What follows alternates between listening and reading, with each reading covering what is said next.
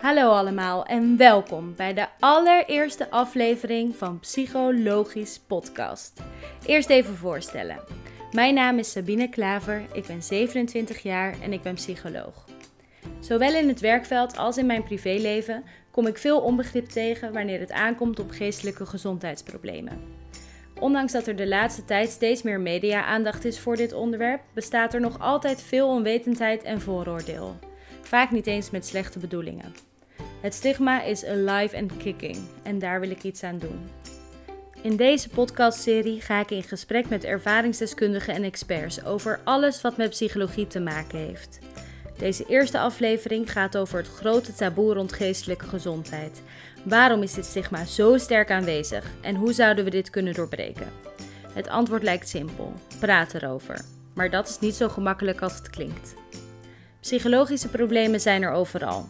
18% van alle mensen heeft een psychische aandoening gehad. Dan hebben we het dus over bijna 1 vijfde van de mensen. Kijk eens om je heen, waar je nu bent, of je op je werk bent of op school, of gewoon wanneer je door de stad loopt. Van elke vijf mensen die je ziet, heeft er dus sowieso één te maken gehad met geestelijke gezondheidsproblemen.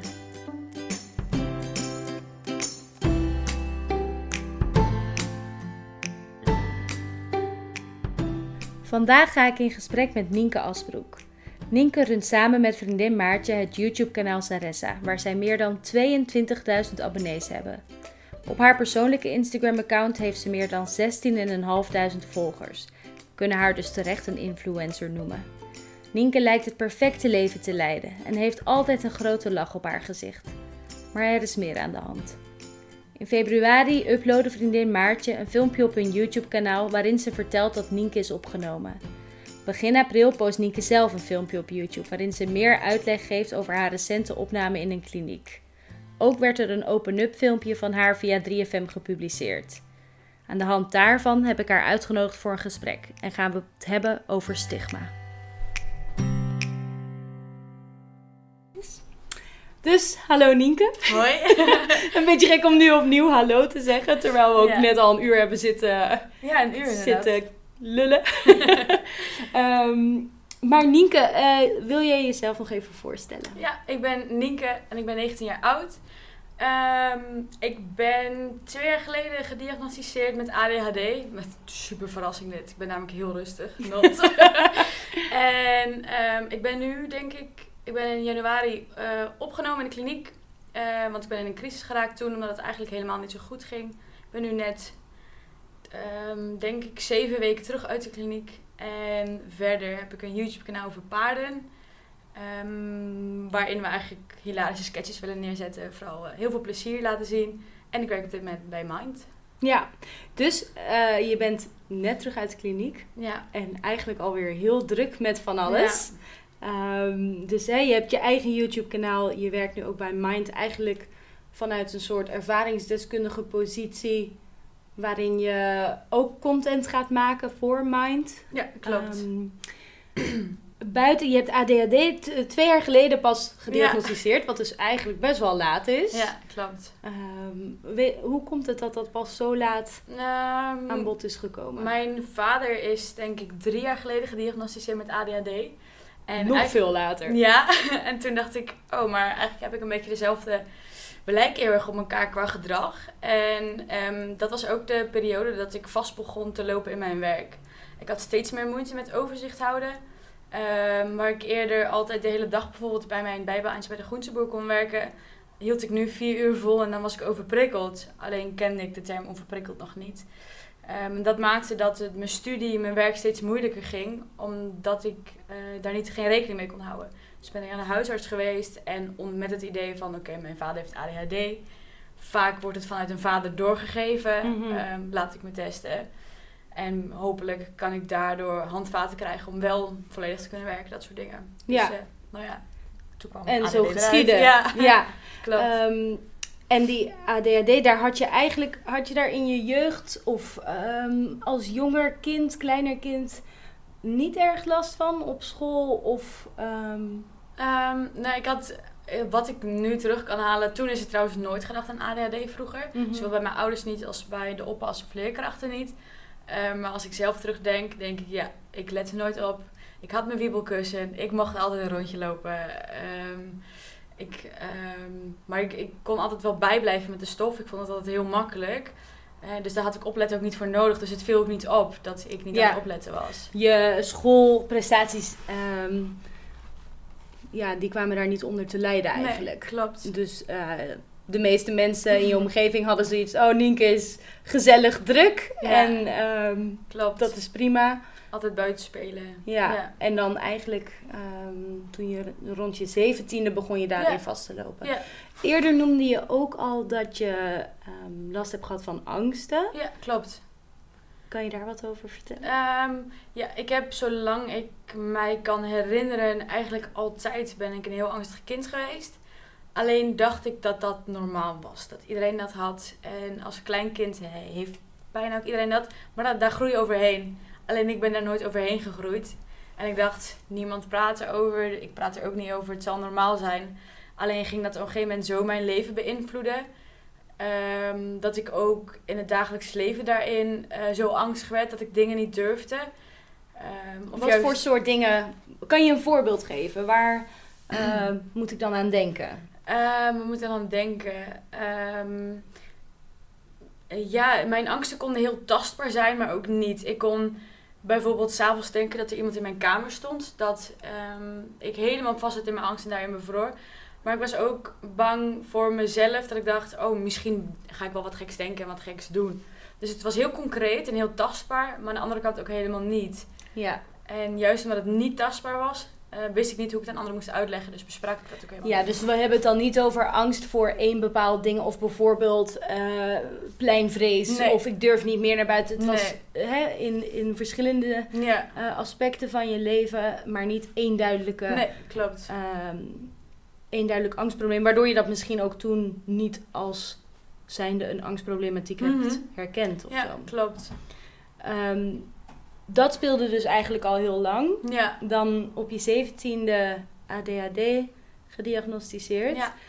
Maar dat is uiteindelijk niet waar je voor bent opgenomen. Nee, klopt. Ik ben uiteindelijk in een, ehm, een crisis terechtgekomen en dat maakte het ging helemaal niet goed met mij en ik communiceerde dat niet met de buitenwereld. Ehm, toen kwam er een punt dat ehm, ik zat heel erg op de overlevingsstand. Ik moest doorgaan en ehm, er was al zoveel in mijn ogen niet goed gegaan. Als in mijn studie liep vast. Ehm, er waren een aantal dingen waarin ik zelf geen grip op meer had. Als in mijn relatie was toen over. ehm, dat ik heel erg naar iets zocht waar ik nog wel grip op had. En dat was mijn werk bij Zaressa. Maar op een gegeven moment verloor ik daar ook mijn grip op. En kwam er een punt dat ik het wel moest communiceren met Maartje. Maartje is de vriendin waarmee ik Zaressa, dus het YouTube kanaal heb. En toen heb ik tegen haar verteld, Maartje, het gaat echt niet goed met mij. Ik, eh, ik loop vast, ik ben op, ik kan niet meer. Ehm, ik voel me gewoon echt niet goed, de angst overheersen. En ehm, ik had Hanna nooit eerder echt uitgelegd wat er aan de hand was. En ik wist dus ook niet hoe ik het zou moeten uitleggen. Dus toen is zij meegeweest naar de psychiater. En daar ehm, is alles op tafel gekomen. En toen mocht ik niet meer naar huis. En toen mocht je niet meer naar huis. Ja, Toen hè, ben je opgenomen in de kliniek. ja. Dus eigenlijk, eh, ehm, als ik het goed heb, is Maartje een van de eerste die dit wist? Of op deze manier wist? Of heb je dat eerder wel al in je omgeving gedeeld? Ik heb vorig jaar mei eerder zo'n moment gehad. Ehm, alleen ben ik toen niet opgenomen. Eh, ja, kwam ik toen niet in de kliniek terecht. En ehm, dus twee of drie vriendinnen wisten wel dat er toen wat speelde. Maar omdat ik van de buitenkant een heel ander beeld liet zien en daar zelf niet over begon, was het geen gespreksonderwerp meer. Dus ehm, was het eigenlijk meer dat dit is geweest en dat is nu niet meer van toepassing. En juist omdat dat dus zoiets van mezelf was geweest, zo'n geheim, werd dat steeds groter. En ook in mijn hoofd groter, dat ik juist dacht, nu durf ik het helemaal niet meer te delen. Ehm, dus toen is uiteindelijk daarna Maartje wel de, een van de eerste geweest die het wist. Ja, Ja. Want ehm, ja, je komt natuurlijk niet zomaar in zo'n eh, situatie terecht waarin je wordt opgenomen. Dus Ja. hè, je hebt het al over die maanden daarvoor. Je bent dan in januari opgenomen, maar eigenlijk die zomer daarvoor ging het dan eigenlijk ook al heel slecht. Ja. Is dat een proces van jaren geweest eh, waarin het, ja, ehm, Ja. jaren waarin het eigenlijk steeds wat minder ging? Of kwam je er dan steeds zelf alweer een beetje uit? Hoe Ja. moeten we dat eh, zien? Ja, het is ehm, als ik echt een moment moet noemen vanaf wanneer het ehm, slechter ging, is een. Ik heb, ik denk dat het nu vier jaar geleden is, heb ik Lyme gekregen, de ziekte van Lyme. Dat was het moment dat ik vanuit mijn eh, drukke school, sociale leven stil kwam te zitten. Ik eh, ging niet meer naar school. Dus het moment waar ik in één keer, dan ga je stilstaan. Dan ehm, dat alles insloeg en dat ik het heel moeilijk vond. Ehm, dat mijn lichaam eigenlijk opgaf. Ik had geen kracht of energie om dingen te doen, maar eigenlijk wilde ik heel graag dingen doen. En juist daardoor kwam ik in die negatieve spiraal terecht. Ehm, dus dat is nu vier jaar geleden geweest. En ehm, ach- nu uiteindelijk is het een opstapeling geweest van heel veel dingen. Ja, die dan op een gegeven moment escaleren en leiden tot eh, een crisis. Ja. Zoals, je zelf, eh, hoe, Ja. zoals je het zelf ook noemt. Klopt. Je vriendinnen heb je eerder dus al wel hè, wat, wat laten weten. Ja. Maar op een manier van... Ik voel me niet zo lekker of het gaat niet zo goed met me. Wat voor soort gesprekken zijn dat? Wa- wanneer ehm, ja, heb je eigenlijk voor het eerst laten weten... hey, dit is eigenlijk niet hoe het moet zijn. Of, eh, En ben je daar duidelijk in geweest? Of altijd misschien een beetje op de oppervlakte gebleven? Ehm, de eerste keer dat ik daar echt duidelijk in was, was vorig jaar mei, toen het heel slecht ging. Ehm, en, maar ik ben altijd, altijd bezig geweest met peilen. Ehm, ik was heel selectief in wie vertel ik wat, wat vertel ik. En dat probeerde ik ook altijd te onthouden, dat ik daarop kon inspelen. Sommige vriendinnen durfde ik bepaalde dingen niet te vertellen, omdat ik bang was dat ze heel heftig zouden reageren. De andere vertelde ik daar weer iets van. Ehm, en daar was ik eigenlijk continu mee bezig als ik met hun in gesprek was. Met wat weten ze eigenlijk en wat kan ik nog vertellen. Ja, dus je was heel selectief. Ja. Wie mag welke kant zien? Of wie mag wat weten? Maar zag dan niemand de echte, complete Nienke in, van alle kanten? Ehm, Weet ik niet, vraag ik mij af. Ik, ehm, wat ik wel weet is dat er op het, in januari dat vriendinnen hebben gezegd... Nien, ik zie dat het slecht met je gaat, maar je laat aan de andere kant niks zien en je vertelt niks. Wij zijn hier machteloos in en wij weten niet meer wat we voor je kunnen doen. Ehm, dat was wel het punt dat ik me ging realiseren. Oh wacht, ik, ik wil het juist voor mezelf houden omdat ik geen afstand wil. Maar daarin had ik heel veel afstand gecreëerd tussen mij en mijn vrienden. Dus ergens denk ik dat zij het wel door hadden, maar dat zij daar niks mee kon omdat ik daar niet voor open stond. ja. ja, dus die afstand creëerde jij ook een stukje zelf. Volledig zelf, denk ik. Ja. Ik stond daar niet open voor, dus ik gaf ze de kans ook niet. Nee, maar wel ehm, hele goede vriendinnen klinkt het zo. Die eh, zelf dus ook wel op een gegeven moment durfde te zeggen van luister, dit Ja. is niet oké. Nee, nee. En dat is ook iets wat ik ehm, vind ik ook heel belangrijk. Als, in, als buitenstaander is het gewoon heel moeilijk om je naaste te helpen als, als het niet goed gaat met zo'n persoon. Maar waar ik heel aan heb gehad, is dat mijn vriendinnen ook zeiden dat zij hun gevoel uitspraken. Het was namelijk op het moment dat de vriendinnen zeiden: Ik voel me machteloos en ik maak me zorgen. Was het moment dat het bij mij binnenkwam dat het inderdaad serieus was. En dat ik dacht: Ik mag mezelf ook serieus nemen nu, want een ander neemt mij echt serieus. Ja, Ehm, en dat vind ik heel belangrijk, dat je als naaste dat ook uitspreekt wat zoiets met jou doet. ja, want dat gebeurt misschien te weinig. Ja, mensen vinden dat moeilijk, omdat eh, wat ik ook hoor bij anderen is dat ehm, als een naaste zijn gevoel uitspreekt, eh, zijn mensen al snel bang dat ze het verhaal naar zichzelf trekken. Terwijl je dan juist laat zien hoe serieus je een persoon neemt door je eigen gevoel uit te spreken. Ja. Dus eigenlijk zou je tegen mensen zeggen: Oké, als je nou merkt dat iemand in je omgeving dat het niet goed gaat, ehm, open dat gesprek. Begin er Ja. gewoon over. Ja, Vraag hoe het gaat, maar vraag dan ook echt hoe het Ja. gaat. En niet: Hé, hey, hoe is het? Ja. Goed met jou. hoe was ja. je week? Ja, het standaard gesprek wat iedereen voert. Mhm, Ja. Ehm, dus eigenlijk, jouw vriendinnen zijn degene ehm, waar jij daar voor het eerst echt mee naar buiten bent gekomen. Ja. Maar toen ben je, werd je opgenomen. ja. En toen moest, wist iedereen het. Ja, en iedereen, we hebben het eh, niet over iedereen zoals iedereen voor mij is. Voor mij zijn dat mijn familie, vrienden, misschien Ja. wat collega's of ehm, wat oud-studiegenoten. Ehm, voor jou is iedereen, nou, hoe, hoeveel mensen hebben we het over? Tienduizenden. Ja, 23.000. Ja. Ja. Ja, klopt. Want Maartje heeft een filmpje geüpload dat jij in eh, de kliniek was Ja. opgenomen. Ja. Ze heeft daarin verder niet echt uitleg gegeven Nee. ehm, waarom. Dat wilde ze meer bij jou laten. Mhm. Klopt. Maar eh, dat het niet goed ging was duidelijk. Ehm, Ja. En toen was dat het eerste moment dat er iets, dat het zo groot eigenlijk naar de buitenwereld werd gedeeld. Ehm, ik heb wel eerder voor de kliniek heb ik wel eens wat in mijn story gezet. Oh, in therapie, dat soort dingen. Dus het was niet volledig onbekend. Ehm, maar het moment dat ik in de kliniek kwam, ehm, omdat ik van het een op het andere moment ben opgenomen, moest ik in eerste instantie al de mensen bellen voor wie dat van toepassing was. Dus mijn management, familie, vriendinnen. ehm, dus toen moest ik de confrontatie al aangaan, maar dat maakte wel dat ik mijn directe omgeving al had ingelicht. En toen heb ik twee dagen daarna het op Instagram gezet. Omdat ik niet wist voor hoe lang in de kliniek zou zitten. En ehm, heb ik een foto op Instagram geplaatst met ik ben opgenomen en ik ben dus even afwezig.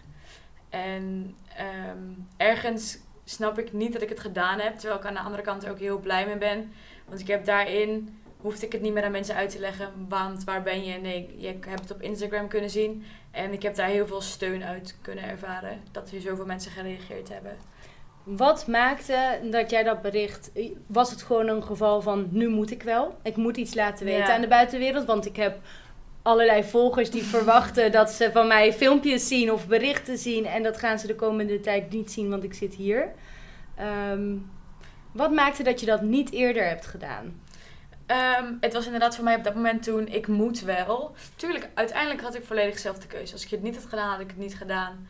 Eh, maar het voelde voor mij, ik ben verantwoording verschuldigd aan alle mensen die... Ik deel namelijk alle super fijne en leuke dingen. En ehm, dat ik dacht, nu... ehm, ik ben namelijk even weg en ik weet niet voor hoe lang. Ehm, en ik wilde ook laten zien dat het perfecte leven niet perfect is. Wat mensen perfect, zeg maar, mensen zien het perfecte leven. En dat het niet zo was, want ik zat op dat moment in de kliniek. Maar dat, dat klinkt bijna alsof je het eh, deelde uit een soort van verantwoordelijkheidsgevoel Ja. naar anderen toe. Klopt. En niet per se als iets van, oh, dit kan mijzelf helpen of goed doen. Nee. Of Het was echt vanuit mijn idee. een soort plichtsgevoel. Ja, ja, dat had ik. Ja, ik had een plichtsgevoel. Ja. Wat heel mooi is. Maar... Nou ja, wat heeft het je uiteindelijk zelf gebracht? Want eh, die mensen, mensen krijgen dat te zien en die, dat is, ik denk dat dat zeker heel, eh, heel goed is. eh, dat, dat, werd, dat je dat hebt gedeeld. Mhm. Omdat ja, hè, als iemand eh, filmpjes van jou ziet, en ik kan het aan ieder- iedereen aanraden om die te bekijken, maar dan zie je alleen maar vrolijk lachen. ehm, op zo'n jonge leeftijd eigenlijk al zo succesvol. ehm, ja, het, het kan niet op, het geluk kan niet op. eh, lijkt het. Lijkt het, lijkt het. Lijkt het. Ja. Dus ik denk dat dat voor andere mensen natuurlijk, die, ehm, die zien dat. En ik denk dat het heel goed is dat ze op die manier beseffen dat er meer is dan dat. En, Ja. ehm, maar jij moet wel dealen met de gevolgen van Ja. zo'n enorme open-up, om het maar zo te noemen. Ja. Hè? Want eh, dat is niet alleen maar op je eigen kanaal gebeurd, maar toen ook bij 3FM, waardoor nog veel meer mensen dat te zien hebben gekregen. Ja. Ja, dat was Ehm, bizar. Ik eh, dacht, oké, ik heb die Insta-post uit. Wat heel spannend was, hè, want het was nog in de eerste week van de opname. Ik denk, oké, mensen weten het, nu is het klaar. Op zo'n moment, hè. Ik wil dit even voor, Ja. me, voor me zien. Dus jij zit in de kliniek. Ja, Dat op, zich is al een... Ja, precies. op dat, kamertje. Een kamertje heb je dan voor jezelf. Ja, ja. En daar staat... eh, wat, wat staat er? Een eenpersoonsbedje. ja, met een plastic matras. Heerlijke plastic Genieten. matras. Een bureautje of zo. Ja, een bureautje, een wasbak, spiegel, een kast. En ik had de grootste kamer, dus ik had een extra kast. Oh, jij kreeg de Dus- VIP. Oh! dus ik had eh, feestjes met mijn vriendinnen daar. Nee, nee, nu maken we, zijn we het aan het verheerlijken. Maar ehm, Ja, ja, je dus- zit daar in een, eigenlijk een kaalkamertje, denk Ja, ik. ja. Ja. En ik had kaartjes en foto's opgehangen. Ja, dat, dus je had het zelf een beetje. eh, maar je zit daar, je denkt, oké, ik ga. ehm, je, je mocht je telefoon dus gebruiken. Ja, klopt. Het, is, het is uiteindelijk geen gevangenis natuurlijk, maar. De kamers in de gevangenis zijn groter, denk ik. ja, eh, je mag je telefoon gebruiken. Dus je, bent, eh, je, je gaat dat delen. Ja, je tikt die post, Ja. je legt je telefoon neer en dan, of blijf je daar dan zo naar staren van oké, wanneer komen Ik heb de- hem denk ik wel drie keer weer weggehaald. die post? Ja. Ja. Ja, ik eh, werd er ineens heel onzeker van. Dat ik dacht, moet ik dit wel willen? Ehm, maar toen ik eenmaal, want eigenlijk binnen een minuut ehm, heb je al reacties op zo heftig iets. Mhm. En dat waren alleen maar goede reacties. Toen dacht ik, ik laat me staan. Maar ik ga nu naar de woonkamer. Ik laat mijn telefoon niet liggen. Ehm, want eh, de kans was in mijn hoofd heel groot dat ik gebeld en geappt werd. Wat ook gebeurde Mhm. natuurlijk. Ehm, maar ik denk, daar wil ik nu even helemaal niks van weten. Ik ga me focussen op dat ik hier zit. En dus ik heb volgens mij zelfs Instagram toen even verwijderd. Dat ik dacht, Ja. ehm, het is eruit en ik moet er niet meer aankomen. Ja. Want ik vond het nog steeds heel spannend. Ja, dus ik dacht dat ik daarin alles al gehad had. Want die post is heel goed opgevat. En toen kwam ik uit de kliniek. En toen eh, werd ik gebeld. Of ik de open-up wilde doen met eh, 3FM. Intussen was dus, had Maartje het filmpje gemaakt. Ja, Jij ja. hebt ook een, een filmpje gemaakt zelf. Ja, Ehm, een stukje in de kliniek Ja. opgenomen, geloof ik. dat was eigenlijk het filmpje voor Les Me Standing. Ja. Maar die heb ik zo kunnen knippen dat die in, die, in mijn open-up eh paste. Ook om even back to reality. Want ik, mijn open-up op mijn kanaal was bij mijn paard met maatje dat stukje eh, waar we ook grapjes maakten. Maar ik wilde ook laten zien, ja maar jongens, het is ook echt even heel serieus waar ik het over heb. Ja. Dus, en ik had in de kliniek een filmpje voor Les Standing gefilmd, als promotiefilmpje. En die heb ik dus heel bewust voor die tijd erin geplakt. Ja. Eventjes dus door Lesman Standing is... Oh ja. eh, ja, voor de... Ik wou zeggen de kijkers thuis, maar er is niet De veel te zien. De, de luisteraars. Luisteraars. Eh Lesman Standing, ehm, daar ben jij nu geld voor. En kan je even kort vertellen wat het... Ehm, ik werk dus nu binnen Mind. En eh, Mind is een organisatie eh, over psychische problematiek in Nederland.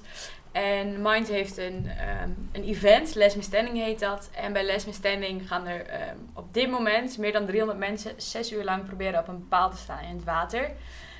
Ik ga ook meedoen. En ik heb mijn team Zaressa Army samen met mijn omgeving, met fans, nou ja, vriendinnen en familie. En daar halen we geld op voor de Mind Young Academy. En de Mind Young Academy geeft weer voorlichting eh, over psychische problematiek op scholen. Om daar meer bekendheid eh, voor te krijgen. Want nou ja, we hadden het er hiervoor al even over. Maar zelfdoding onder jongeren, dat, die cijfers nemen alleen maar toe. Ja. En ehm, goed, dat is natuurlijk gewoon echt niet oké. Ehm, dus Mind Young Academy geeft daar voorlichtingen over. Om dat voor te zijn. Dat jongeren eerder hulp zoeken en daarover Ja. durven te praten. Dus jij doet eigenlijk heel veel goede dingen om eh, ook eh, mee te werken aan het doorbreken van dat stigma. Ja. En zeker onder jongeren, omdat eh, en dat het thema meer besproken Ja. wordt. En eh, ehm, dat is Last Man Standing. Dat dus Last Man Standing. als iemand wil doneren. Ga naar doe mee met mind.nl. ja, nou een hele goede, eh, goede zaak natuurlijk. Eh, ik weet niet hoe iemand zes uur lang op een bal kan Ik staan. ook niet. Iemand met ADHD. Over stigma's gesproken. Ja, precies. Inderdaad. Nee, ja, het is hartstikke knap. Maar het, en het doel is gewoon zoveel mogelijk geld eh, Ja. ophalen. Ja, absoluut. Ja, heel cool.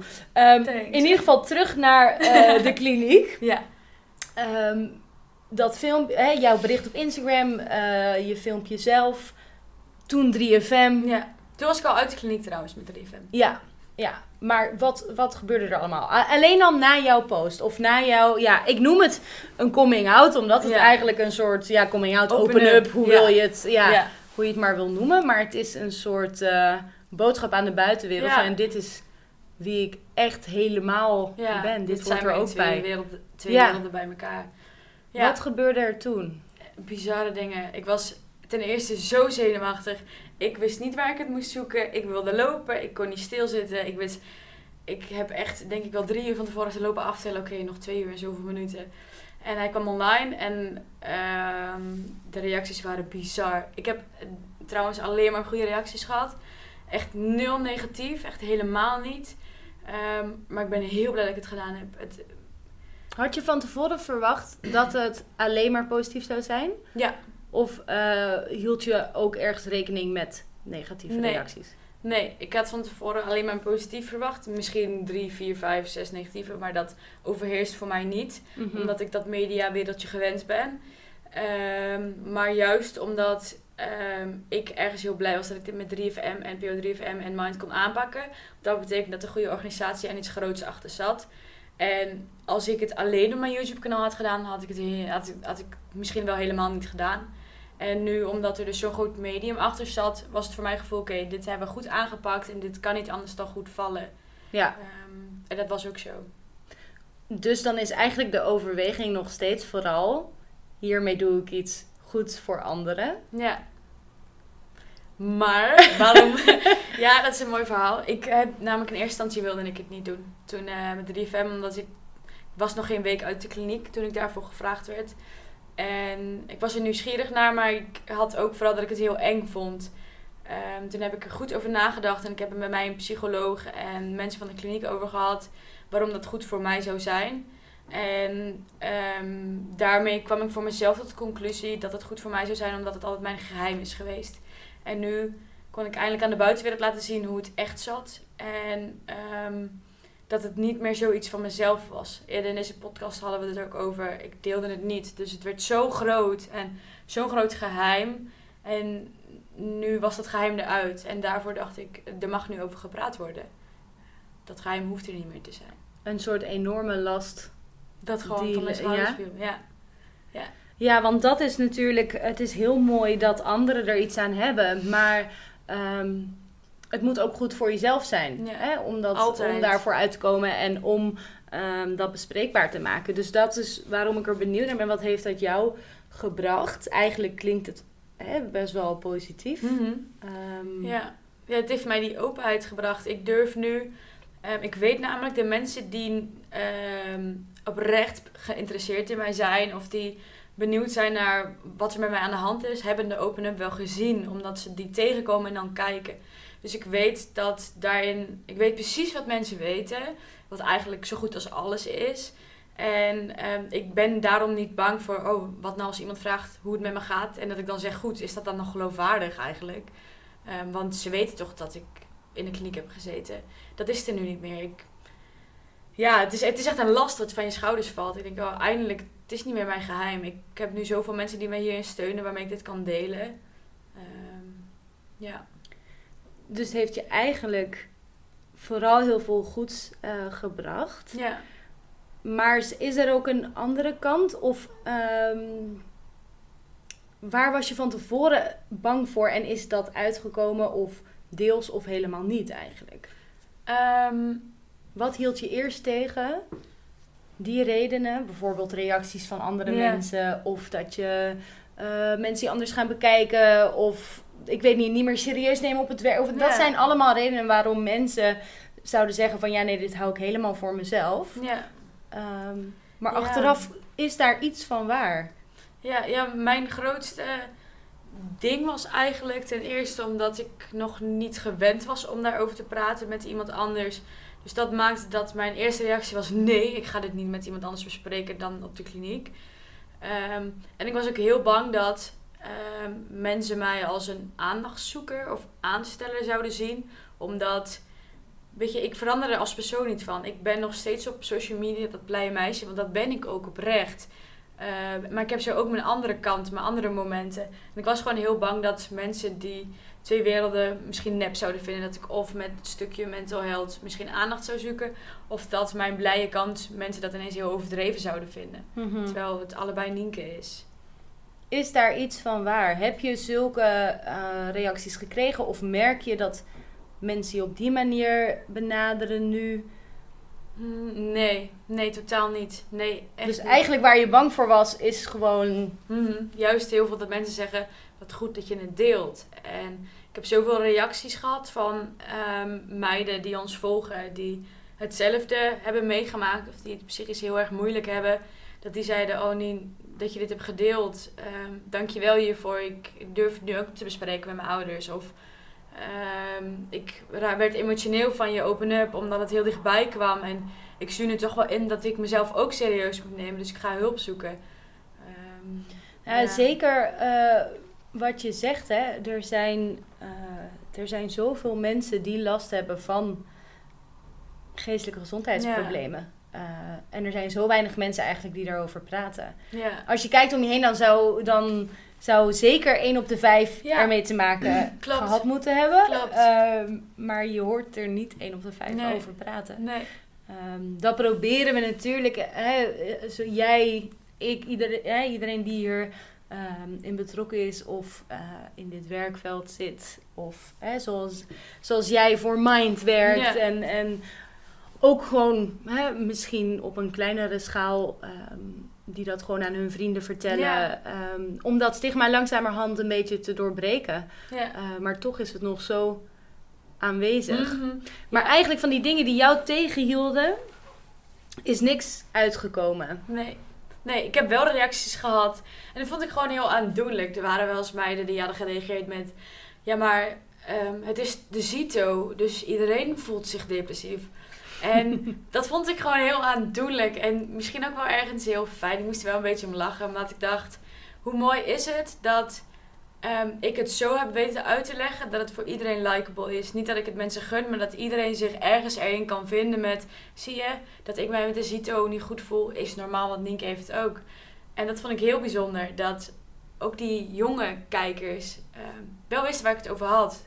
Ja, want dat is natuurlijk iets heel menselijks. Ehm, iedereen, maar echt letterlijk iedereen, Iedereen. voelt zich gewoon wel eens echt slecht. Ja, klopt. Eh, en dat betekent niet dat je meteen ehm, een depressieve stoornis Nee. hebt of een angststoornis Ja. of hè, wat dan ook. Ehm, maar inderdaad op kleinere schaal. Het zou toch eigenlijk al heel erg helpen als we gewoon een keer eerlijk zouden antwoorden op de vraag: hey, hoe is het met je? Nou, Ja. eigenlijk niet zo, eh, niet zo goed vandaag. Want doe jij dat? Ehm, nou, Oei. ja, dit is. eh, nee, ja, ik, ik denk dat ik dat wel doe. Ja. Eh, maar ik denk ook wel dat ik, wat jij eerder al zei, dat ik wel kijk bij wie ik dat doe. ja. Toch ook wel selectief. Toch wel selectief. Ja, ja. En eh, ik snap ook heel goed dat. ik vind dat ook niet per se problematisch dat je dat selectief Nee. houdt. Ehm, want hè, als jij. Nou ja, de achternicht van je buurvrouw eh, in de Albert Heijn tegenkomt en die vraagt: Hey, hoe is het met je? Ja, als je daar, als je daar behoefte aan hebt, dan, dan vind Ja. ik dat je dat helemaal gewoon moet zeggen. Nou, het gaat eigenlijk heel slecht, maar soms, Ja. weet je, eh, voor mij persoonlijk is het wel een beetje kies mijn moment. Ja, Ehm, tuurlijk. in mijn directe omgeving wel. Ja. Ja. En deed, deed je dat altijd al? Of? Eh, nee, ik denk wel dat ik daar zeker in, eh, in gegroeid ben. Ik denk dat ik dat ook heel lange tijd niet echt heb, ge- heb gedaan. En zeker toen ik jonger was, niet. Ehm, als ik gewoon denk aan puberteit. ehm, toen ik opgroeide, ja, dan eh, is het ook zoveel makkelijker om gewoon mooi weer te spelen. En, Ja. en dan, toen kon ik ook heel vaak, denk ik, niet zo goed plaatsen van wat, wat is dit nou? Ik dacht ook vaak van, oh ja, eigenlijk een beetje wat jij zei. Dit heeft iedereen toch? Iedereen. Ja. ja. Want wat is dat kantelpunt geweest? Komt dat door je studie of door je werk? Ja, ik denk deels ehm, in mijn studie wel. Dat ik daar, dat je daar, ik denk dat ik toen echt ben eh, beginnen te beseffen hoe belangrijk het is dat daarover gepraat Ja. wordt. En dan kom je ook wel in situaties waarin mensen gewoon echt zeggen: Ja, maar eh, wat doe jij dan met die studie of zo? Weet je, die gewoon nog steeds denken dat, dat, eh, dat psychologie niet iets serieus is. Terwijl Ja. dat vind ik zo het bizarre dat je over elk lichaamsdeel, elk orgaan wat je hebt, Oh, ik- elk ja. dat je mag zeggen: Oh, ik heb pijn aan mijn knie. Maar Ja. dat je niet mag zeggen: Ik voel me niet goed in mijn hoofd. Terwijl je Ja. hoofd is net zo goed een orgaan. Je brein is een orgaan. Ehm, het is gewoon, we hebben het nog steeds over iets fysieks. Echt hè, en ook met medicatie. Dat als ik bijvoorbeeld eerder vertelde, ik heb nu geen ADHD-medicatie meer, maar die had ik eerst wel.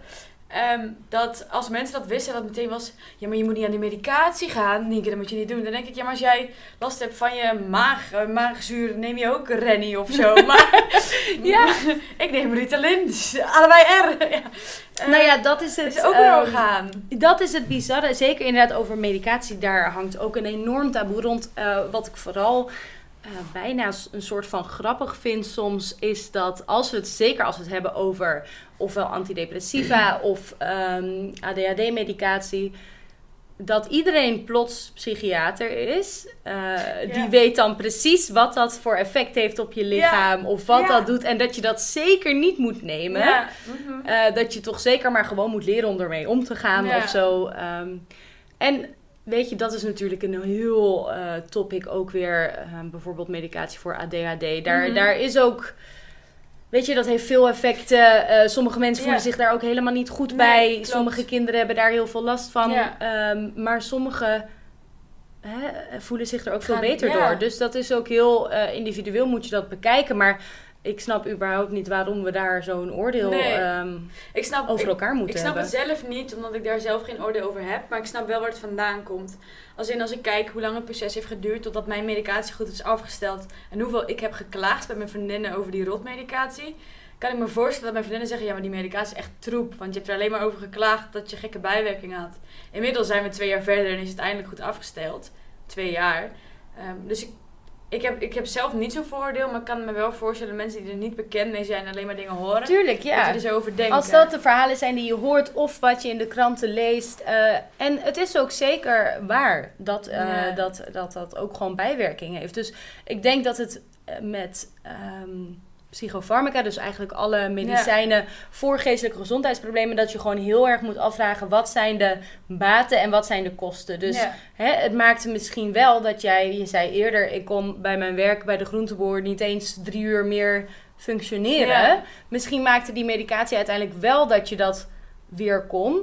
Of Ja, misschien precies. voelde je je er zo slecht door dat het eigenlijk helemaal niet Ja, hielp, maar dat de situatie achteruit ging. Nou ja, in dat geval eh, zou ik ook zeggen, dan moet, hè, er zijn ook andere eh, strategieën om, om dat aan te pakken. ja klopt. Maar ehm, ja, dat hele oordeel wat er aan, aan vast zit, of een, denk ik, ja, dat hoeft toch helemaal niet. Eh, mensen kunnen dat heel goed zelf beslissen en in overleg met een Ja, arts of met een psychiater, ehm, wat Klopt. goed voor ze is. klopt. Ehm, en dat geldt eigenlijk, denk ik, voor alle problemen. Weet je, als jij, eh, Mee eens. als jij nu zegt van, oh, ik heb echt ehm, last van, nou, noem maar Mijn grote iets. teen. Je grote teen. Eh, dan kom ik toch ook niet met allerlei Ja. over, want ik weet helemaal niks van jouw grote teen. Precies. Dus ja, ik denk gewoon, je moet dat zelf eh, bekijken. Ja. En met een, eh, een arts of iemand die daarin gespecialiseerd is. Ja. Ehm, maar goed, daar inderdaad, dat is nog een heel eh, taboe rond meditatie. Ja. Eh, en zelfs in het werkveld zijn eigenlijk meningen daar ook wel over verdeeld hoor. Want je zal Ja? misschien zien dat de ene ja, klopt trouwens Ehm, ook. de ene therapeut of de ene psychiater ehm, of de ene instelling of Ja. praktijk hè, een onderzoek doet en een rapport schrijft van start meteen met medicatie. En de Ja. anderen zeggen nee, dat is bij ons echt last resort. Ja. Als niks anders werkt, we gaan eerst alle andere dingen proberen. Ja. Ehm, ik denk vooral dat het heel belangrijk is om te blijven praten. Waar Dat je je sowieso. goed bij voelt en Ja. waar je... Wat wil de cliënt zelf? ja inderdaad. Wil, wil de cliënt überhaupt wel aan de medicatie of niet? Ja, sommige mensen willen dat bij voorbaat al niet. En dat is ook prima. Dat, Ja. dat moet ook niet. Ik zag dat in de, in de kliniek heel erg. Dat er, ehm, de problematiek van de, van de mensen waarmee ik in de kliniek zat, lag heel anders. De meeste waren bekend met psychotische klachten. Dus daar speelt gewoon het wereldje heel veel medicatie. En ik krijg gelukkig kreeg ook niet zoveel medicatie. Dat er gewoon heel erg zag dat er mensen ook heel slecht waren van de medicatie. En dat ik een gesprek had met iemand die zei: Doe me alsjeblieft naar huis, want ik wil deze medicatie niet. En ik word hier niet beter van. Maar dat daar gewoon niet, eh, niet naar geluisterd wordt. Dat was echt zo bizar om te zien. Dat, dat Ja, laat veel indruk achter. Nou, dat kan me helemaal voorstellen. Ik vind uiteindelijk eh, welke problemen er ook spelen, heeft de cliënt wel ehm, een hele grote eigen Ja. keuze daarin. Ja. Maar soms gaat het natuurlijk ook wel zo slecht met iemand dat, Mhm. ehm, dat het wordt opgelegd. Ja. En ehm, Klopt. ja, dat het noodzakelijk is. Ik Ja. denk dat dat, ja, dat zijn wel hele moeilijke zaken waar wij ook als hulpverleners wel tegenaan lopen. Van, hè, waar doe je nou goed aan? Ja. Volg je een protocol Of omdat dat helemaal is eh, geschreven en onderzocht en hè, wetenschappelijk bewezen dat het werkt? Ehm, Ja. of ga je meer soms op je gevoel af? Hè, ja. wat je En, en denkt? wanneer ga je dan op je gevoel af? Ja. Ja. Ja, Ja, dat is iets heel geks, want als, als psycholoog ben je je eigen instrument, maar Mhm. je bent natuurlijk ook maar een mens. Ja, Ja, alhoewel dat soms niet altijd lijkt. Nee, ja, heb je daar ervaring mee? Ehm, ik, ehm, ik, weet, ik zal het niet zo beschrijven, maar ik heb wel slechte ervaring met de hulpverlening. Ja. Ja, dat er gewoon heel lang was, Nienke, jij praat niet, dus we kunnen niks met je. En dat ik daardoor het idee had, ik word niet serieus genomen. En ik, achteraf denk ik, waarom is er niet gekeken naar waarom praat ik niet? En waarom is er zo vastgehouden aan het feit, je praat niks, dus we kunnen niks, dus we stoppen hier de gesprekken. Ehm, Dat achteraf- vraag ik me nu ook af eigenlijk. Ja, waarom is er niet gekeken naar waarom je dat niet voor? praat? Ik hoor het ook heel veel bij anderen dat, dat ik echt denk, ja, know, ik heb daar echt wel, sinds de kliniek heb ik er juist is dat helemaal bijgeschaafd. Ik heb echt super verpleging gehad in de kliniek en die me nog steeds begeleiden. Eh, maar voor die tijd was, vond ik, ja, was gewoon bang ervoor. Ik wilde er echt niet heen, terwijl ik wist dat het nodig was. Ja. Ja. En ehm, die slechte ervaring die je hebt, was dat dan, eh, dat was meer ambulante hulpverlening, dus waar jij zelf toen naartoe ging? Of, nee, dat was eh, eh, bij die instelling dat ik bijvoorbeeld elke week een gesprek. Ah ja. Ja. Ja. dus uiteindelijk is het wel ambulant. Dat noem je ambulant toch? Ook? Ja, als het eerste lijns is. Ik weet niet precies wat jij hebt gevolgd, maar. het was bij een instelling waar we Ja. uiteindelijk ook opgenomen hebben Oké. Ja, ja en, dan, eh, en dat hij in het begin ook heel erg vasthield aan mijn ADHD. Dat was de diagnose die ik had alleen. En ik vond het heel moeilijk om mijn angsten uit te leggen of waar ik precies last van had. Ik kende mijn triggers ook niet voor spanning en angsten. Ik wist niet hoe ik mijn, mijn spanning weer moest laten zakken nadat ik getriggerd was. En ehm, dat er gewoon heel erg op gefocust was van, oh, het komt vanuit je ADHD, dus je moet ADHD-groepen gaan volgen. Terwijl ik ook een zorgstudent ben en al die kennis die wij in die ADHD-groep hebben gevolgd, die had ik al lang in mijn examen gehad. ja, Dus daarin had ik ook heel erg het idee, we gaan volledig van de kern af. ja. Dus jij wist zelf eigenlijk gewoon voor je gevoel beter wat je nodig had dan dat de hulpverlening deed op dat moment? Ja, maar ik kon het niet uitleggen. Nee. Ik, ik, ik, ehm, achteraf kan ik daar heel als een helikopterview op terugkijken. Maar op dat moment, dan ben je denk ik misschien, of ik was daar niet toe in staat om te zeggen. En je deed wat je gezegd werd Ja, toen. maar je voelde wel aan, terug. dit, eh, dit helpt niet. Of dit is niet waar ik nu Ja. mee bezig moet zijn. ja. Nee, wat, wat opvallend is, want eh, ADHD gaat heel vaak samen juist met bijvoorbeeld depressieve klachten. Ja, klopt. Ehm, ja, ik denk dat het heel belangrijk is dat we daarin ook naar de individu kijken. En ehm, ja. Klopt. niet alleen in eh, proberen. Soms moeten we een beetje in hokjes plaatsen. Hoe stom dat ook klinkt en Ja. hoe vervelend dat het ook is. Maar om een bepaald programma te volgen of een therapie te volgen, Ja. moet je ook een bepaalde diagnose hebben. Nou ja, zulke, De zulke bijbel. Ja, ja, ja, dat eh, komt er helaas ook wel bij kijken. Maar het is, ja, het is wel belangrijk om Ja. dat eh, gewoon het individu ehm, daarin, daarop te blijven focussen. En wat heeft diegene nou nodig? Mhm, en zijn er, precies. is er gecombineerde therapie? Of zijn er Ja. twee dingen die we kunnen doen? Of, Precies. Precies. ehm, En dat, dat heb ik heel erg in de kliniek geleerd. Ehm, ik, ik, had, ik kwam in de kliniek met een hele slechte ervaring. ben daar ook best wel vervelend binnengebracht. En dat maakte dat ik echt nog angstiger was dan dat ik daar überhaupt binnenkwam.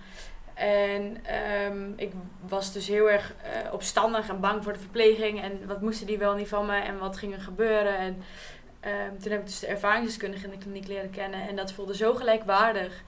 Ehm, ten eerste omdat het gesprek niet volledig gefocust op mij was, maar het switchte heen en weer. Mijn aandacht kon even verlegd worden naar haar. En omdat iemand zulke pure vragen stelde vanuit zijn eigen gevoel, ehm, dat ik eindelijk dacht, ja maar zij snapt het en hier, hier kan ik over praten. En daardoor heb ik hele goede ervaringen opgedaan. En is mijn vertrouwen daarin in de hulpverlening weer heel erg gegroeid. ja, En zij begeleidt mij nog steeds. wat fijn. Ja. Dat dat Ja. dan uiteindelijk toch ja, Mhm, zo heeft uitgepakt. Ja, ja, heel fijn. En hoe nu verder? Hoe is, hoe is de situatie nu? Want eigenlijk, eh, wat mij steeds een beetje verbaast, ik blijf het zeggen, is dat je, je bent pas een paar weken terug uit de Ja. kliniek. Hoe nu verder? Ehm, ik zeg altijd, officieel studeer ik nog. Ehm, maar ik volg een maatwerktraject, dus ik mag mijn studie afmaken wanneer dat, eh, wanneer dat mij uitkomt. Ehm, dus ik volg nu nog wel iets van drie uur per week school. Mhm. Dus eigenlijk is dat stof dat ik al heb afgerond om een lijntje te houden. Ehm, nou, ik werk dan bij Mind. om mijn, ik zeg altijd, ik wil van mijn klacht mijn kracht maken. En dat leer ik hier, om mijn eigen ervaringen positief in te zetten. Binnen een vrij veilig team, omdat wij alle, alle vier, alle drie eigenlijk, uit de kliniek komen. Dus we weten heel goed waar we het over hebben. En ik kan daardoor ook makkelijker aangeven.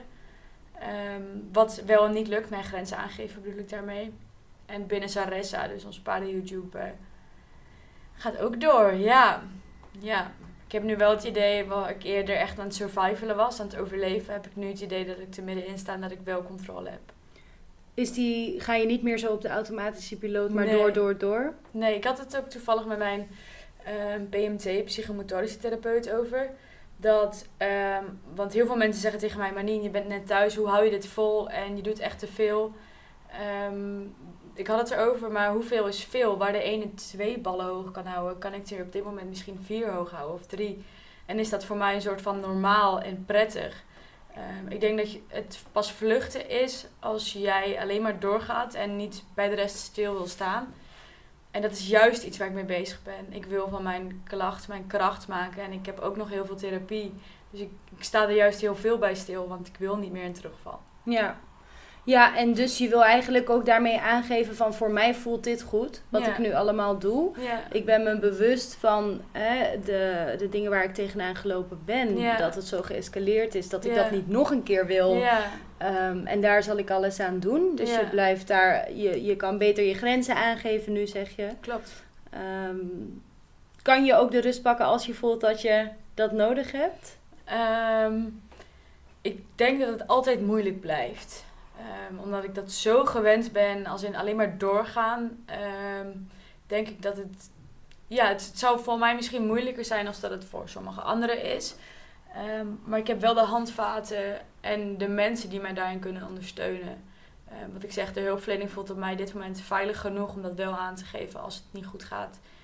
En mijn omgeving weet ervan. En dus daarin voelt dat ook veilig genoeg om bij hun te zeggen: Ik heb hulp nodig. Het, gaat, het wordt me te veel. Ja. Ja, knap. Wat zou jij nu als je. Wat zou je tegen anderen zeggen, tegen andere jongeren, maar eigenlijk ook volwassenen? Want ik denk dat het heel eh, erg voor iedereen Mhm. geldt die voelen aan zichzelf, die merken dat, dat het niet gaat, dat, het de, dat de emmer overloopt, Ja, dat het te vol zit. Of eigenlijk misschien nog niet eens op zo'n escalerend punt is, maar dat het gewoon, dat ze zich niet lekker voelen. Maar die daar niet over durven te praten. Misschien om dezelfde redenen waarom jij dat niet deed. Misschien met andere redenen. ja. Ehm, Wat ik daartegen zou willen zeggen. ja, wat, wat zou jij hen aanraden? Wat kan jij hen voor advies geven? Ja, ik krijg die vraag heel vaak in mijn privéberichten. En ik vind het altijd heel moeilijk om daarop te reageren. Omdat ik juist heel erg denk van iedereen is anders. Dus ik wil daarin niet per se een advies geven. Maar ik kan wel vertellen dat het bij mij heel erg geholpen heeft om één iemand in vertrouwen te nemen. Dit is in dit geval die vriendin Maartje geweest. En dat ik het op papier heb gezet naar mijn behandelaar toe. Ik wist, durfde niet uit te spreken. Ehm, ik heb het op papier gezet en op die manier eh, gecommuniceerd met... Yo, het gaat niet lekker. Dat was voor mij op dat moment laagdrempeliger. Ja, Ja. het ging toen voor jou, was het eigenlijk makkelijker om het op te schrijven Ja, en op die manier te communiceren Ja. dan om het echt tegenover iemand te moeten zitten en het te vertellen. ja, ja, klopt. Ehm, en toen is dat meteen best wel serieus opgepakt, toch? ja, echt letterlijk meteen. Meteen door naar de kliniek. ja. Wel je ouders maar. Ja? Ja. Heftig. ja, heel heftig. Ik had mijn rijkleding nog aan. Ik wilde eigenlijk naar de stad toe. Je ging eigenlijk paardrijden en toen... ehm, Ja, ik zei al, eh, ik kan niet hier blijven. Ik moet naar mijn paard toe. Dan zegt hij, je paard interesseert mij niet. Ik zei, ja, maar dat kan niet. Nee, je Ik wordt nu opgenomen in de kliniek. Ja, nee, sorry, Nee, het komt even niet uit. Ik, ga net paardrijden. Ja, ik moet echt naar stal. Ik heb mijn rijbroek aan. Dan zegt hij, je ouders kunnen wel kleding brengen. Ik kan niet. Ja. Nou, Maar wel. is dus wel iemand die dat heel... ehm, een hulpverlener die dat, nou ja, sowieso... Hè, je vriendin die dat heel serieus heeft opgepakt. Ja, Die daarin ook, denk ik, heel goed gehandeld Ja, heeft. Misschien op dat moment was je er niet zo blij maar ik mee. was zo boos. En zij mocht naar huis en ik moest blijven. Zij mocht gaan paardrijden. ja, ja, eigenlijk wel. ja, nee, ehm, Maar terugkijkend vind je wel dat zij goed gehandeld heeft. Ja, absoluut. Ik ben heel blij. Toen was ik inderdaad heel boos. En ik kon iedereen vervloeken. Maar achteraf heeft ze heel goed gehandeld. Want ze is daarin, ehm, ze heeft haar eigen bezorgdheid en haar eigen gevoel uitgesproken met meneer de psychiater. Nienke heeft me dit verteld en ik maak me zoveel zorgen. En ik weet zeker dat als zij op dat moment, er niet bij was geweest, had ik het niet gezegd. Had ik misschien heel dat briefje niet laten lezen, heel niet, heel niet. Had ik denk ik niet eens gestuurd, omdat ik dat niet durfde. Dus soms eigenlijk kan iemand zelf in die situatie, kan diegene het gewoon niet. Kan Ja. het niet opbrengen of kan niet op de, wo- de woorden, op de Ja. woorden komen. Of het is gewoon zo'n blokkade misschien. Ja, Dat als iemand hè, die je vertrouwt, iemand in je omgeving, dat die misschien dan actie moet ondernemen. Dus dat het niet altijd alleen maar aan jezelf is om aan de bel Ja. te trekken. maar daarin ook voorzichtig zijn. Ehm, ga een ander niet overschreeuwen. Stel, ehm, ik wilde echt geen hulp en ik was niet op het, zeg maar, ik was in een tussenstadium. Ik voel me niet goed, maar ik had geen crisis. En Maatje was voor mij naar de psychiater gestapt, dan had ik het niet oké gevonden. Want dan ging zij mijn grens heel ver over. Ehm, zorg dat je niet voor een ander gaat bepalen. Communiceer duidelijk met, ik kom met je mee naar de psychiater of de psycholoog. En eh, ik wil graag, eh, ik zou het fijn vinden als jij dit vertelt. Dat zei ze dan tegen mij. En ehm, ik vertelde het niet. En toen heeft zij mij gevraagd, dan vertel ik het niet, want ik maak me zorgen. Ehm, en ik denk dat je dat moet blijven communiceren. Overschreeuw een ander niet. Ja. Want het kan ook zijn dat je daarmee vertrouwen schaadt. ja, dus dat jij eindelijk aan haar hebt verteld hoe je je voelt. Maar dat zij dat eigenlijk meteen op een verkeerde manier aanpakt door... Ja, stel ze had het verteld zonder dat met mij te communiceren en ze had het gewoon op tafel gegooid. Dan had ze mijn vertrouwen beschadigd. Ja. Want dan dacht ik, verdorie, ik heb je wat verteld en nu flik je me dit. Ja, Maar zij heeft het heel open gecommuniceerd naar mij met juist weer dat gevoel, Nienke, ik maak me zorgen. Ja vanuit haar eigen vertellen? beleving eigenlijk. Ja, Van, Ja. hè, ik maak me zorgen om je, ehm, ik ga dit delen, is dit oké? ja, Ehm, ja, ja, precies. En ik denk dat dat heel belangrijk is. Wat je zegt, niet altijd kan een persoon zelf eh, hulp zoeken. En daarin heb je eigenlijk misschien altijd wel hulp nodig van je omgeving. Ehm, maar blijf communiceren. Hadden er dingen, wat was er gebeurd als jij vroeger in een eerder stadium met alles naar buiten was gekomen? Naar je vriendinnen, naar de rest van je omgeving. Ehm, ja, ik, ik vind dat moeilijk. Omdat... het is heel hypothetisch natuurlijk, hè? Ja, en ik heb echt een soort van visie, dingen lopen zoals ze moeten lopen. Ja. En daarom vind ik het moeilijk om te kijken wat als, omdat er wat als niet is. En dat is misschien heel... Nee, dat snap ik wel. Dat snap ik wel. Het heeft nu natuurlijk gewoon wel, ehm, is het uiteindelijk echt op een crisis uitgekomen. Ja, ja, tuurlijk had ik die willen voorkomen, iedereen. Ja. Ehm, maar ja, Maar ja, op deze manier ben je nu waar je nu Ja, bent. En gelukkig nemen we deze podcast op. Om nemen we deze podcast op. Ja. Ja. Ehm, want dat is eigenlijk ook een, een vraag die ik heb. Eh, want ik denk dus, ik, het is inderdaad wat ik zei, het is hypothetisch. En dingen, ben ik wel met je eens, dingen lopen zoals ze moeten lopen. Mhm. Eh, het gaat nu eenmaal zo. Ehm, maar ik denk over het algemeen wel niet per se over jouw situatie. Maar als ik in mijn werk jongeren zie. ehm, stel nou dat iedereen daar gewoon Ja, in de brugklas al over over zou praten met elkaar. Ja, hoe... Dan Ja. zouden denk ik mensen veel eerder aan de bel trekken. Als het genormaliseerd wordt. Ja, Het is niet zo ook. gek als je. Nee, Want je denkt ook niet drie keer na eh, als je. het hebt over je hoofdpijn. Ja, Ja. dan ga je ook naar de dokter. En Ja. sommige mensen misschien wachten een beetje te lang. Hè? Of, eh, en sommige mensen gaan voor ieder dingetje naar, ja. naar de dokter. Maar ehm, daar doet niemand raad over. Nee, klopt. Klopt. Ja, ik weet niet. Ik vind het ook een lastig iets, omdat ik het ook zelf heel lang geheim heb gehouden. Mhm. Tuurlijk, eh, we bewegen ons allemaal mee in dat taboe, dat stigma. Ehm, Ja, en dat is, eh, moeten we onszelf ook niet kwalijk nemen, denk ik. nee, Want nee. dat is zoiets Dat zo- groots. ja, in de maatschappij Ja, hier. precies. Dus Ja. dat, daar, daar kan je ook niet in je eentje kan je dat fixen of Nee. oplossen. En, ehm, ehm, Nee. Het is veel gecompliceerder dan er gewoon over praten. Ja, precies, precies. Ik, ik hoop wel, ehm, als ik denk, als ik nu zie ehm, dat ik er nu open over ben geweest, dat ik eerder niet wat, dat het me zoveel goeds heeft geleverd. Tuurlijk had ik gehoopt, had ik dit maar eerder gedaan, dan had het misschien al veel eerder goeds opgeleverd en dan was er misschien een crisis voorkomen. Uh, dus ik hoop dat we ook op deze manier ook anderen kunnen aansporen met communiceer erover. Want misschien ben je dan een, een erger stadium voor. Ja. Want dat gun ik niemand. Echt niemand. Nee. Ja. mooi, mooi waar je nu bent. Ja. Ehm, niet mooi wat er allemaal is gebeurd, maar, Maar ja, zo loopt het nu eenmaal. Klopt. En eh, zo, ja, wat je al zei, je maakt van je klacht je kracht. Mhm. En Ja. dat is wel heel mooi om te zien. Dankjewel.